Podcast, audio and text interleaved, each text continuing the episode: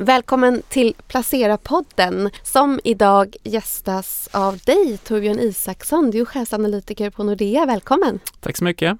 Jag heter Elinor Bäcket. Jag tänkte först att eh, du skulle kunna berätta lite kort om din bakgrund och hur du hamnade på Nordea och den rollen du har idag. Ja, gärna det. Om vi tar det från början då, så mitt eh, första jobb som nationalekonom, det var på Statistiska centralbyrån för länge sedan nu där jag jobbar med nationalräkenskaper och eh, det var väldigt spännande och intressant och hade turen att få jobba med väldigt många kompetenta ekonomer där.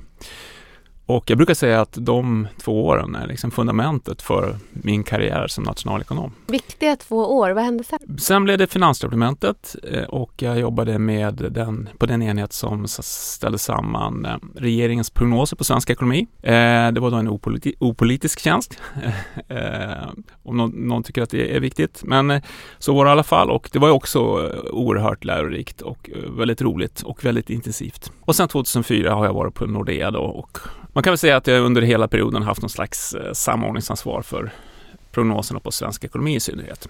Och när vi gick in i 2023, alltså förra året, då hade vi tvåsiffrig inflation. Vi fick en regional bankkris i USA under våren. Vi hade en rekordsvag krona under sommaren, en väldigt slagig börs. Fyra räntehöjningar, en räntetopp får man väl säga. Och sen så blev det ett rejält börsrally här på slutet. Då. Va, vad tänker du om 2023? Och vad var det som överraskade dig mest? Eh, jag skulle säga att det var ett överraskande år på många sätt. Eh, räntorna steg och blev högre än vi trodde inför året. Trots det så gick många ekonomier bättre än väntat och i synnerhet arbetsmarknaderna i USA och även i Sverige blev starkare än förväntat. Så det är ett, eh, det är ett märkligt år får man säga. Och eh, sen, sen blev det ju ett viktigt skifte som du är inne på också i slutet av året. Där det blev ett skifte där det blev mer tydligt att inflationen faktiskt faller tillbaks. Och det satte ju fart på, på räntemarknaden som prissatte kraftiga räntesänkningar. Och eh, även om räntorna gått upp lite grann här i början på året så är det fortfarande det som gäller. att Räntemarknaden förväntar sig ganska många eh, räntesänkningar under 2024. Är du förvånad över eh, hur hushållen ändå har stått emot det här året? Och även boprismarknaden. Ja, och även att företagen har klarat sig så pass bra som har gjort det här. Det är mycket förvånande skulle jag vilja säga till och med. Och jag funderar väldigt mycket på vad det där beror på. Jag landar nog, kommer nog hela tiden tillbaks till att vi underskattar nog hur mycket pengar som eh, fanns i ekonomin inför 2022 och 2023 som en konsekvens av en eh, ovanligt och exceptionellt expansiv ekonomisk politik under 2020 och 2021 i kombination med att hushållen hade lagt pengar på hög. Och eh, vi underskattade helt enkelt liksom kraften i uppgången och många ekonomier, inte minst amerikanska men även den svenska, blev kraftigt överhettade helt enkelt, vilket är i min analys grundskälet till att inflationen tog fart. Sen har ju naturligtvis Ukraina-kriget gett en extra knuff åt inflationen och pandemin hade vi också vissa eh, inflationsdrivande så att säga, fenomen i sig. Men grund, grundorsaken till, till inflationsuppgången är eh, att ekonomierna gick så starkt. Det var en enorm efterfrågan och också liksom ett, ett skift i konsumtionsmönstren från, från varor till tjänster och så vidare som också haft betydelse i allt det här. Och nu den här veckan så får man väl säga att ni ändå stack ut hakan lite och tror på inte mindre än sex räntesänkningar i år och den första ska då komma till maj. Men vi har ju ändå en inflation, KPIF 3,6 procent nu. Vad är det som tror att Riksbanken kommer att göra så många och snabba räntesänkningar? Det låter nästan som att det finns en väldigt stark oro för konjunkturen, eller?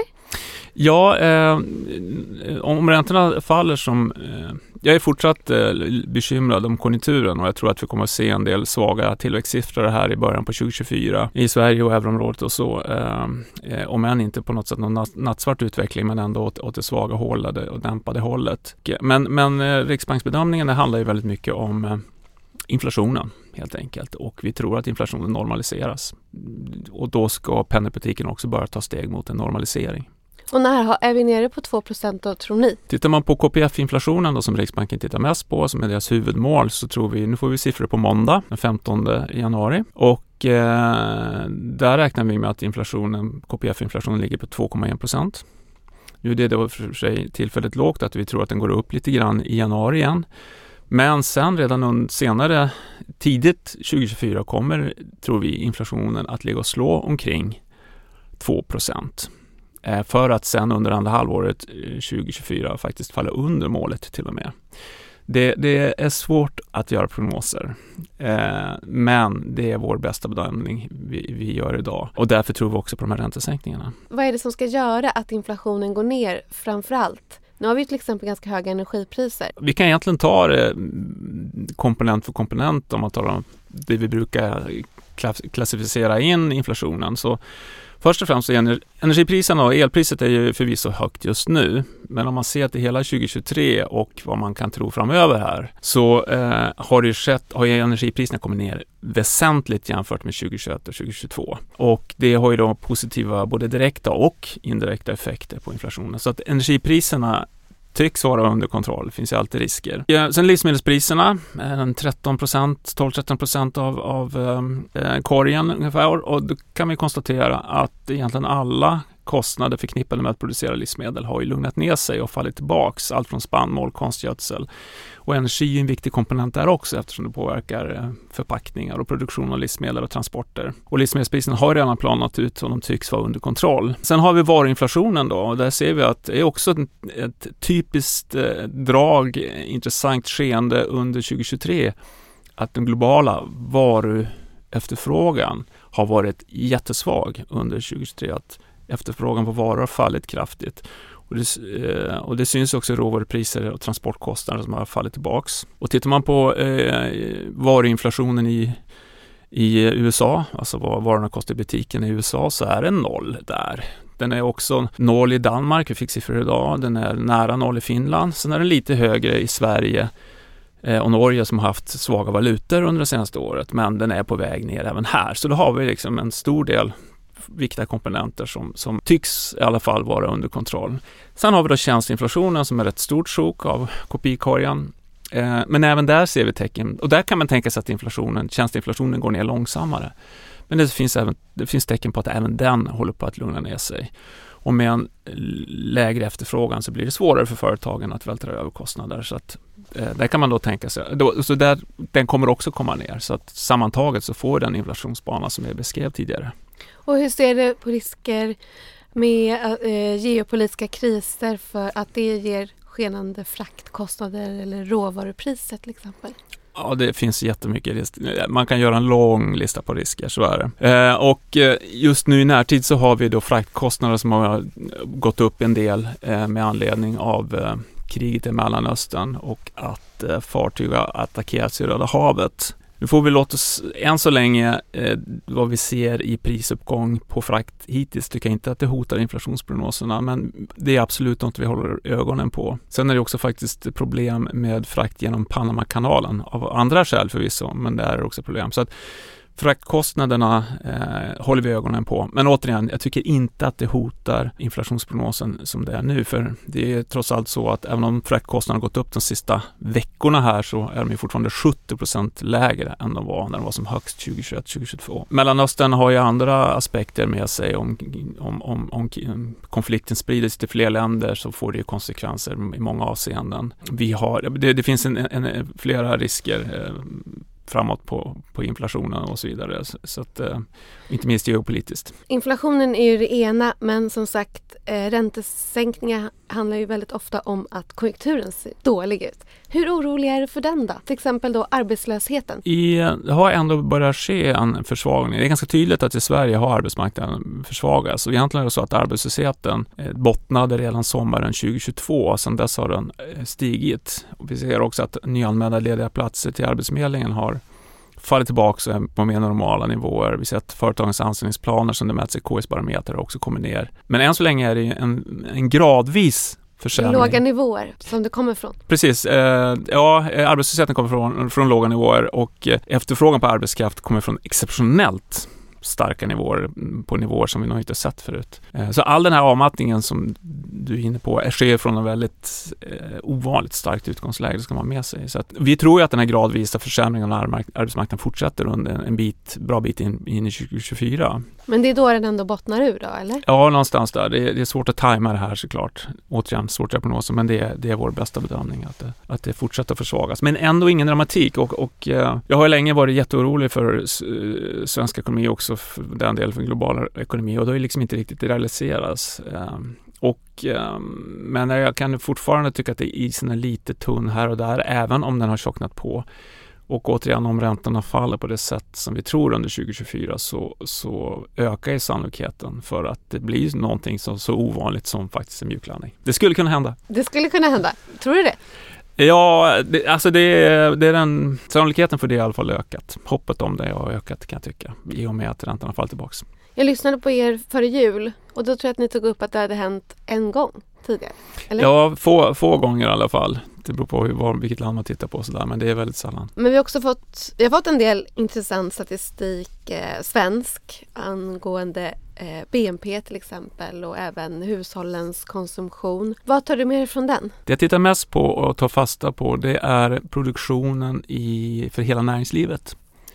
För den är väl den som har funkat bäst som indikator för BNP. Och där föll produktionen med 0,3% på månadsbasis efter en nedgång på om det var en halv procent i oktober. Så där syns det en svaghet och den var också tydligt lägre än ett år tidigare. Eh, sen har det varit ett batteri med andra siffror som kom idag också och eh, tyvärr så har det visat sig att ja, industriproduktion, eh, den här månadsvisa BNP-indikatorn, inte har varit så tillförlitlig, inte så träffsäker utan han har faktiskt visat fel när, när de riktiga BNP-siffrorna sedermera har kommit. Så att det har varit, det, det, det är nog, statistiken har verkar ha lite svårt att fånga upp de här stora kasten i, eh, det här blir lite tekniskt kanske, men, men eh, det är en stor skillnad mellan utvecklingen i löpande priser och i fasta priser med fasta priser menar vi volymutvecklingen. Och man har problem att deflatera, verkar det som, i månadsstatistiken. Så att man ska ta en vissa av de här månadssiffrorna, även om det är hårda data på produktion så där, så ska man ändå ta dem med en nypa salt faktiskt.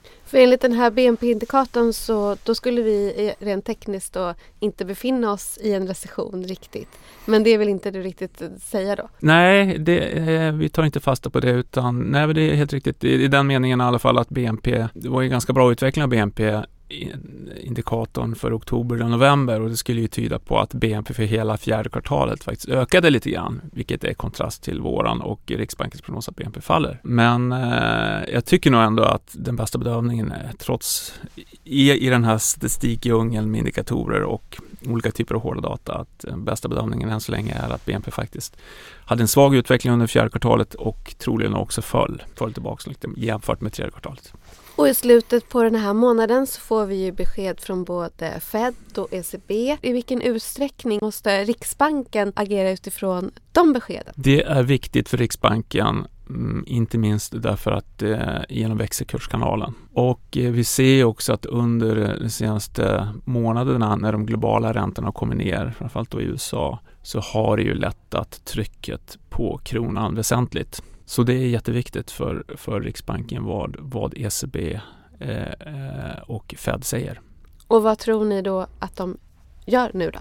Gradvis mjukare tongångar, eh, framförallt från Fed, där vi tror att man öppnar upp så småningom för en räntesänkning i mars. Den första räntesänkningen kommer och, och ECB dröjer lite längre och kommer då någon gång i mitten av året med den första räntesänkningen. Och kronan säger du, den var ju som sagt rekordsvag här under förra året men den är fortfarande såklart på väldigt svaga nivåer. Vad tänker du om kronan? Det känns, känns lite bättre. Um, jag pratar mycket om att det är svårt att göra prognoser och är det någonting som är särskilt svårt att göra prognoser på så är kronans växelkurs. I grund och botten är det egentligen väldigt enkelt. Det är ju, beror ju på eh, utbud och efterfrågan som på vilken vara eller tjänst som helst. Men det som är svårare är att det är så otroligt komplext det som styr utbud och efterfrågan på en valuta. Men med det sagt så, så, så tycker jag ändå att det känns känns bättre. Eh, ett skäl är det viktigaste som vi pratade om tidigare här, att de globala räntorna kommer ner, det är väl det viktigaste. Men sen kan jag också tycka att eh, det här eh, relativa tillväxtspelet börjar mer och mer glida över till, till, till att vara en mindre nackdel för Sverige. Vi har ju, har ju relativt höga skulder i Sverige och också är räntekänsliga eftersom många hushåll har rörlig ränta i förhållandevis många jämfört med många andra länder. Och vi har haft en väldigt stark ekonomi och då det fanns en fallhöjd i Sverige. Nu har vi ju, hanter, nu har vi ju återigen då svensk ekonomi parerat den här ränteuppgången bättre än befarat. Och ju längre tiden går så eh, ser vi ju att den här ränteuppgången successivt också börjar äta sig in i andra ekonomier där tillväxtutsikterna ser lite mer bekymmersamma ut. Till exempel i euroområdet där man kan tänka sig att BNP stannar av helt under 2024. Eh, och även andra länder. Så att det här relativa tillväxtspelet eh, börjar glida över, förändras i alla fall till kronans fördel. Och kan också se eh, i grund och botten då så, så, jag har ju varit orolig för svensk tillväxt under de här åren och jag är väl delvis det fortfarande i någon mening. Eh, och, eh, eller är det fortfarande ska jag säga. Eh, men, eh, och det handlar ju om att vi har ställt till det på bostadsmarknaden under de senaste typ 20 åren och eh, låtit skulder, hushållens skulder öka och så vidare. Med det sagt så är jag fortfarande väldigt positiv till mycket annat i svensk ekonomi och, och, och, det finns många styrkor i Sverige och det viktigaste av allt är att vi har ett konkurrenskraftigt näringsliv. Eh, och det har vi verkligen. Eh, och eh, och ännu mer konkurrenskraftigt med en svag krona då? Ja, precis. precis. Men det är inte det viktiga egentligen. Det viktiga är att vi är, eh, har anbelangat så säga, globaliseringen under de senaste 20-25 åren och styrt om produktionsstrukturen mot, som anpassar oss till det. Och till exempel ser vi under de senaste åren har exporten av tjänster, eller utrikeshandel med tjänster i allmänhet, eh, ökat i raketfart. Och det är ett viktigt skäl till att de svenska BNP-siffrorna under 2022 och 2023 har sett så pass eh, oväntat stabila ut. Exporten av tjänster var i tredje kvartalet 2023 ja, nästan 30 procent högre än de var 2019 och importen av tjänster var 30 procent högre än, än, än, 2019. Tittar man liksom på sammansättningen eh, på, på utrikeshandeln med tjänster så är det en bred palett med tjänster som ökar. Så det här är ju något som vi inte pratar så mycket om men det är, det är viktigt och viktigare och, och, och här ligger nog Sverige lite grann i framkant tror jag jämfört med andra länder. Till exempel jämfört med Tyskland. Så det är då en relativt högre tillväxt i Sverige som ska driva kronan framöver? Ja, i alla fall att det här relativt tillväxtspelet är mindre till, till mindre Sveriges nackdel och kanske under loppet av 2024 in i 2025 kanske, ja, jag vet inte, ja, kan ju bli en fördel möjligen, jag vet inte. För det är mycket ändå i, i strukturerna som, som, eh, det finns, som är bra i Sverige. Farhågan för en fastighetskris? Att den är avblåst? Spelar, spelar det roll? Jag ska inte säga att den är avblåst men, men riskerna återigen har minskat. Och då kommer vi tillbaka till det här att om det är så att räntorna faller tillbaka som vi tror så, så minskar ju de här riskerna. Men 2023 var ju verkligen ett år då eh, Riksbanken behövde mm, förhålla sig väldigt mycket till kronan. Tror du att det kommer bli så även i år? I min, mindre utsträckning och därför tänker vi också att um, Riksbanken kan uh, lätta på penningpolitiken på det här sättet då. Att uh, faktiskt uh, kronan står på lite fastare mark. I alla fall inte fortsätter att försvagas. Det är det viktiga. Hur tycker du att Riksbanken ska överhuvudtaget hantera kronfrågan? Eh, ja, jag har haft synpunkter på... Jag tycker inte man ska fokusera så mycket på kronan från Riksbanken. Jag har haft synpunkter på penningpolitiken de senaste tio, tio åren och det kanske till och med drygt det. Eh, Som så många? Ja, som så många och, och det, det, finns en lång liksom, diskussion varför. Eh, och sen eh, tycker jag också att eh, det blev för expansiv politik då efter, i samband med pandemin och sen, i synnerhet efter pandemin när man bara fortsatte att stimulera. Eh, sen kanske jag har mindre kritik mot att, att man har höjt räntan för att när man har hamnat i en situation att inflationen gått upp, då måste man nog agera. Eh, men eh, i allt det här så eh, har väl kronan en betydelse men, men eh, överlag på lång sikt så tycker jag inte att man ska liksom, fokusera så mycket på växelkursen utan det, det, ofta hamnar man i, i problem. Hur ser du på då eh, en eh, potentiell försvagning av kronan igen som att, att det inte blir de räntesänkningar som man kanske skulle önska sig och tro på? Ja men så skulle det kunna bli. Om kronan försvagas då blir det nog färre räntesänkningar. Och det handlar egentligen inte om kronan i sig men det gör ju då att det kan fördröja inflationsnedgången och där har ju Riksbanken en ganska liten tolerans. Eftersom nästan alla varor som vi svenska hushåll köper eh, så påverkar växelkursen eh, inflationen väldigt mycket. Och kronans växelkurs har ju även påverkan på eh, energipriser och på, på många tjänster också för den delen. Det har betydelse för Riksbankens agerande. Som jag tror att Riksbanken agerar om jag tar på mig Riksbankens glasögon och tänker hur de jag tror att deras reaktionsfunktion ser ut så tror jag att de agerar så. Och när tror du då att eh, återhämtningen kommer för Sverige? Att det liksom vänder och är det då en utländsk efterfrågan eller en inhemsk efterfrågan som ska dra det? Eh, det blir någon kombination, och, men det dröjer nog lite grann. Jag tror att 2024 kommer vi att inleda åt det svaga hållet, sen sker en stabilisering och sen tänker jag att det inte kommer någon snabb återhämtning utan även om vi har eh, för det första så är penningpolitiken i Sverige och i många andra i, i vår del av världen åtstramande idag och även om man börjar sänka räntan typ i mars eller maj för Fed och Riksbanken så är den ju inledningsvis fortfarande åtstramande och bromsande om än i mindre utsträckning än tidigare. Och vi tror att styrräntan landar på 2,5 procent under prognosperioden till och med 2025 och det är fortfarande tydligt högre än innan pandemin, tydligt högre än under 2010-talet. Så det finns ju fortfarande behov av en nödvändig anpassning till ett högre ränteläge som för vissa kan fortfarande bli ganska mödosam. Så när det vänder upp så småningom så blir det en långsam och kanske inte något sånt här uppstuds som vi har sett efter vissa kriser förut. Och slutligen då, vi kommer snart gå in i en rapportperiod och även om det har varit väldigt dystra rubriker och, och det låter ganska dystert när vi sitter här så har ju ändå börsbolagen visat en ganska stor motståndskraft och visar fortfarande rätt höga vinster. Vad är liksom din tro på börsen framöver och kanske då mer ur ett konjunkturperspektiv? Ja, precis. För eh, börsen är inte det som jag följer allra närmast i, mitt dagliga arbete och kanske ska vara lite försiktig med att uttala mig där. Men, och har väl inte så starka synpunkter på de rapporter som kommer nu heller i närtid. Eh, men tänk, tittar man in i 2024 eh, så tänker jag nog att konjunkturen kommer vara dämpad och mm, kanske mer dämpad än vad som är konsensus där ute. Och det tänker jag, det borde vara, knappast vara bra för företagens vinster, även om räntorna sänks och eh, börjar sänkas under första halvåret så tänker jag ändå att det kommer att vara utmanande för många företag vinstmässigt och därmed också för, för börsen. Så ett litet frågetecken om börsen kan jag känna inför 2024. Och eh, om vi då ändå ska avsluta med en liten positiv ton. Eh, om du får eh, nämna något som du tror kan överraska positivt i år, vad skulle det vara? Oj, eh, det var svårt. ja, men det finns ju, det, det finns ju mycket som kan, eh, jag får gräva djupt ner här nu, liksom, hitta någonting positivt.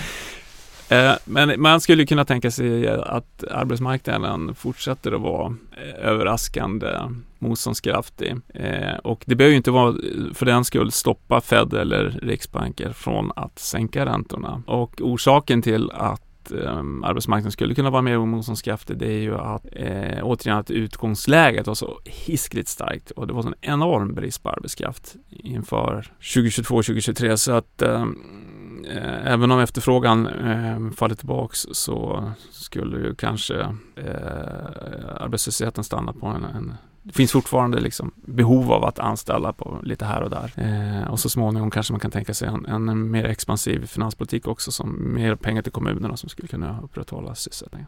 Möjligen på arbetsmarknaden då, som en uppåtrisk möjligen. Tack så mycket för att du kom hit Torbjörn Isaksson. Tack.